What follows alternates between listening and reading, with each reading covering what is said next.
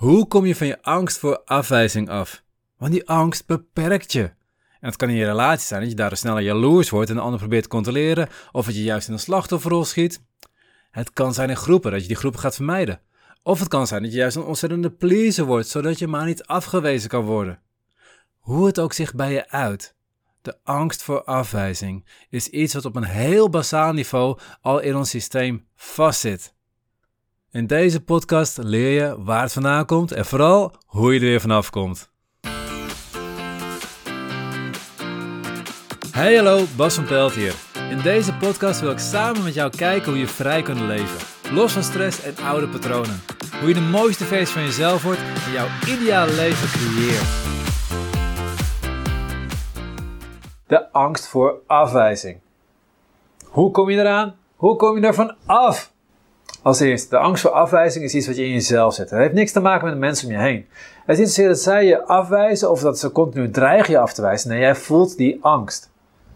En dat is een belangrijk stukje om te ervaren. Om te beseffen dat wat hier intern gebeurt, heeft te maken met hoe ik dingen interpreteer. Hoe ik dingen zie. Welke ervaringen ik eerder gehad heb en, en hoe ik dingen um, een bepaalde emotionele waarde geef ook. En dan kom je meteen bij het begin. Want je hebt ooit heb je die angst voor afwijzing aangeleerd. Het is een patroon je, hebt hem aangeleerd. En dat is niet alleen helemaal waar. Want het is niet alleen dat we hem aangeleerd hebben, maar hij is ook een beetje, ja, noem maar hardwired. Hij is letterlijk geprogrammeerd in ons brein al voor onze geboorte. We hebben allemaal een angst voor verlating. En dat is normaal. Want, evolutionair gezien, als je vroeg op de uh, steppen liep of, of op de savanne, in je eentje, ging je dood. In je eentje lukt het je niet om een zabeltandtijger te vermoorden als hij je aanvalt. Het gaat je niet lukken om een genoet te vermoorden om hem op te kunnen eten. Die beesten zijn hartstikke sterk. Bovendien, die beesten ook met meerdere. Dus het gaat je niet lukken. Je overleeft het niet in je eentje. Je gaat dood in je eentje. Dus je wil bij de groep horen. De groep is een manier waarop je door kunt gaan. Waarop je kunt groeien, waarop je kunt overleven. Waardoor je echt iets kunt opbouwen. Dus er zit al heel op heel bazaal evolutionair niveau, echt op laag niveau in je hersenen, het reptiele brein, zit al een behoefte om erbij te horen. Zit al een behoefte om niet alleen gelaten te worden, niet afgewezen te worden. En bij kinderen is dat nog sterker aanwezig, want kinderen zijn volledig afhankelijk van de ouders. Dus als ik als volwassene op de savanne loop, in mijn eentje, ga ik dood. Maar als ik als kind op de savanne loop in mijn eentje, dan ga ik nog sneller dood. Dat is helemaal kansloos. Kinderen zijn volledig afhankelijk. Baby's nog afhankelijker. Kleine kinderen afhankelijk. Grote kinderen steeds minder afhankelijk, maar je bent afhankelijk van je ouders. Je wil de liefde van je ouders. We hebben allemaal behoefte aan de liefde van onze ouders. Alleen de liefde is niet onvoorwaardelijk. Ja, we zeggen wel dat het onvoorwaardelijk is. Dat zeg ik ook over mijn kinderen. Ik hou onvoorwaardelijk van ze. Maar zo uit ik het niet naar ze. Als Max een hele mooie tekening van maakt, zeg ik, ja Max, dat een mooie tekening. Als Max een hele mooie tekening van maakt op de muur, zeg ik, Max, dat is niet wat je mag doen.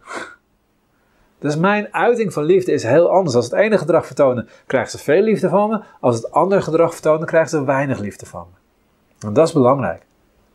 Want als je gaat kijken naar je eigen jeugd, om even te kijken waar komt jouw angst voor afwijzing vandaan. Als je kijkt naar je ouders, in jouw jeugd, aan wiens liefde had je de meeste behoefte? En het kan best zijn dat je het een beetje moeilijk vindt om te zeggen, ja, een beetje tussenin, eigenlijk allebei wel. Als niet duidelijk eentje omhoog komt, dan probeer echt vanuit je gevoel aan jezelf te vragen, aan wiens liefde had je de meeste behoefte? Als niet duidelijk eentje omhoog komt, kies er gewoon eentje. En dan doe je de volgende keer, kijk je die andere, ga je die vervolgvraag nog een keer verder. Dat is je eerste vraag. Dan weet je waar je naar op zoek mag gaan. De tweede vraag en die is essentieel, want die bepaalt namelijk hoe jij bent geworden, hoe je bent opgegroeid. Wie moest jij zijn om die liefde te kunnen ontvangen? Beter gezegd, wie moest je zijn zodat die ouder van jou zijn liefde of haar liefde kon geven aan je? En dan kom je op een stukje, moest je iemand zijn die continu um, stil was, die rustig was, of iemand die altijd presteerde, of kreeg voornamelijk aandacht als je, ik weet niet, als je heel erg aan het pleasen was, heel erg lief aan het doen was voor ze. Of kreeg je juist heel veel aandacht als je zielig was, als je slachtoffer was en op andere momenten niet. Maar ga eens kijken, wie moet je zijn om die aandacht te krijgen? En dan ga je ook zien dat je toen al een keer aangeleerd hebt dat het niet voldoende is om alleen maar te zijn. Nee, je moet goed genoeg zijn, anders krijg je geen aandacht. Anders kunnen ze misschien zelfs weggaan. Dat is waar de angst voor afwijzing vandaan komt. Het gevoel niet goed genoeg te zijn. Het is niet voldoende om alleen maar jezelf te zijn. Nee, je moet goed genoeg zijn, anders gaan ze weg. Je moet goed genoeg zijn, anders krijg je niet liefde. Wat is dat goed genoeg zijn? Ja, dat is wat uit die vraag komt. Dat is een stukje van je moet stil zijn, rustig zijn. Of je moet juist heel leuk en speel zijn, lacherig zijn, de clown zijn in de familie.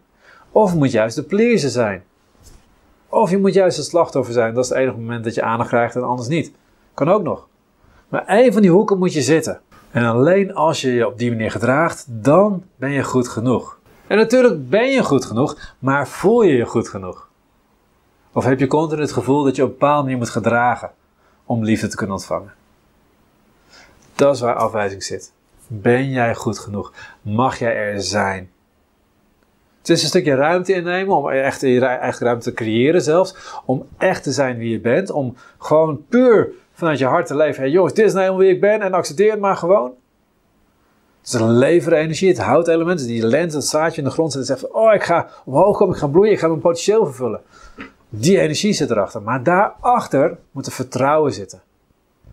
Dat is het waterelement. Vertrouwen dat je er mag zijn. Vertrouwen dat hier een plek op aarde is speciaal voor jou. Er is hier een plek op aarde speciaal voor jou. Jij hebt iets te doen in dit universum. Jij bent onderdeel van deze mensheid. En ondanks dat je maar zo'n klein stukje van deze mensheid bent, heb jij hier een taak te vervullen. En dat gevoel, dat mag je ervaren. Jij loopt niet op de aarde, nee, de aarde draagt jou. Dat gevoel mag naartoe gaan. En dat is moeilijk als je niet meegekregen hebt. In principe is dat de rol van je ouders om jou het gevoel te geven dat jij geliefd bent. Dat ze je bevestigen.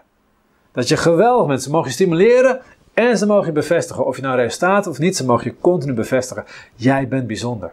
Daar mag je naartoe. Als je niet meegekregen hebt, als je ander patroon meegekregen hebt, dan kom je inderdaad in het probleem dat je ja, gevoelig wordt voor afwijzing. Dat je bang wordt voor afwijzing. En dan kan je er zelf mee aan de slag. Op twee manieren. Aan de ene kant door gewoon de diepte in te gaan en te gaan voelen. En als je niet van je ouders meegekregen hebt, dan moet je zelf aan de slag. En dat kan gelukkig nog. En dat doe je door te beginnen met voelen. Ga maar voelen wat er zit. Ga maar kijken of je diepte in kan. Elke avond neem je 10 minuten tijd om te voelen. Wat voel je allemaal? Had je vandaag een, een, moment waarbij je die angst voelde voor die afwijzing? Mooi, ga je terug naar het moment. Ga je het herbeleven. Wat voelde ik in dat moment? Wat voel ik nog meer? Wat voel ik nog meer? Wat voel ik nog meer? Net zolang dat je op het punt komt dat je die eerste herinnering weer omhoog komen uit jezelf. Dat je ineens weer gaat voelen van, oh, ik herinner me ineens. En dat is het mooie. Kijk, hier prefrontale cortex is het nadenkgedeelte. Daar heb je al je bewuste herinneringen. Maar hier heb je al je onbewuste herinneringen zitten. Het zijn die kleine stipjes hier waar die patronen vandaan komen. Dat zijn die oude herinneringen die je onderdrukt hebt, maar die er wel zitten. Op het moment dat je naar je gevoel komt, dan is het emotioneel deel van je brein. Dat je naar je, bij je gevoel komt, gaat voelen, doorvoelen, doorvoelen, doorvoelen. Steeds de vraag, en wat voel ik nog meer? En wat voel ik nog meer? En wat voel ik nog meer? En wat voel ik nog dieper? Als ik mezelf nog dieper in laat zakken, wat voel ik nog meer? Als ik het helemaal toesta, wat voel ik nog meer? Op een gegeven moment kom je bij die eerdere herinneringen. En dan ga je zien, hey, ik ben niet bang dat mijn vriend me verlaat, of mijn vrouw me verlaat, of mijn kinderen me verlaten, of, of mijn carrière, weet ik veel wat allemaal. Nee, ik ben bang omdat toen ik drie jaar was, mijn vader deze, deze actie deed en op deze en deze manier op mij reageerde. Ik ben bang om niet goed genoeg te zijn, omdat mijn moeder deze woorden uitsprak op dat moment toen ik zo jong was. Dan ga je bij zulke stukken komen. De vervolgstap is dat je daar lading af gaat veranderen. Dat is wat we in de ASE-methode doen. Dat is wat we in onze seminars doen. Dus als je daar met, samen met ons aan wil werken, kijk zeker even op asemethode.nl. Kijk zeker even in de beschrijving hieronder om je aan te melden voor een van onze trainingen. En vooral de seminardagen zijn gaaf. Dan ga je echt in één keer een grote sprong doorheen. Maar ga voelen, ga proberen je ladingen af te halen. En zelfs als je dat niet lukt, gewoon puur doordat je bij die herinnering kan komen, kom je op het punt dat het makkelijker voor je wordt. Want de eerstvolgende keer dat jij in een situatie zit, laat even zeggen dat je je partner is. Dat je partner een opmerking maakt dat jij het gevoel hebt van, oh hij vindt me niet leuk genoeg. Oh, hij gaat bij me weg. Dan mag je dat moment eventjes gaan voelen, wacht eens eventjes. Dat is niet mijn deze situatie. Dat is mijn reactie op deze situatie. En mijn reactie op deze situatie komt uit die oude herinnering voort. Dus hoe ik me nu voel, heeft niks met deze situatie te maken. Hoe ik me nu voel, heeft met mijn oude herinnering te maken. En dan kan je leren om het gevoel los te koppelen van de situatie. Dan kan je leren dat je misschien helemaal nu niet afgewezen wordt, omdat jij je afgewezen voelt, omdat je eerdere ervaring hebt. Ik heb een video gemaakt over jaloezie. Ik zal het even een i'tje uh, zetten rechtsboven in beeld. Als je daarop klikt, leg ik uit hoe ik het zelf ervaren heb. Hoe ik door eerdere ervaring met, met vriendinnen heel erg jaloers was geworden, heel erg onzeker was geworden. En vervolgens met Karen kreeg, waar ik nu, even kijken, 2022 zit nu, nu al 22 jaar mee ben. Inmiddels getrouwd ben en kinderen mee heb. En waarbij ik heel erg jaloers voelde als zij alleen wou uh, uitgaan zonder mij, of met vriendinnen wou uitgaan voelde ik me heel erg jaloers. Maar had niks met haar te maken. Zij is zo loyaal als men kan zijn. Zij is de meest mooie persoon die ik ken. Alleen ik voelde het. Omdat ik in het oude stukje zat. En niet in het heden zat. Ik was niet met haar bezig. Nee, ik was bezig met de oude pijn van vorige vriendinnetjes. Daar was ik mee bezig. Daar voelde ik me onzeker over. Daarvan schoot ik in de controlebox van, oh, dat mag niet, je mag niet alleen weggaan. En gelukkig heb ik dat gaan herkennen. Heb er ruimte voor kunnen maken, waardoor ik Karen heb kunnen accepteren zoals ze is. Ik kan Karen vertrouwen. Want Karen is te vertrouwen. En ik kon Karen vroeger niet vertrouwen.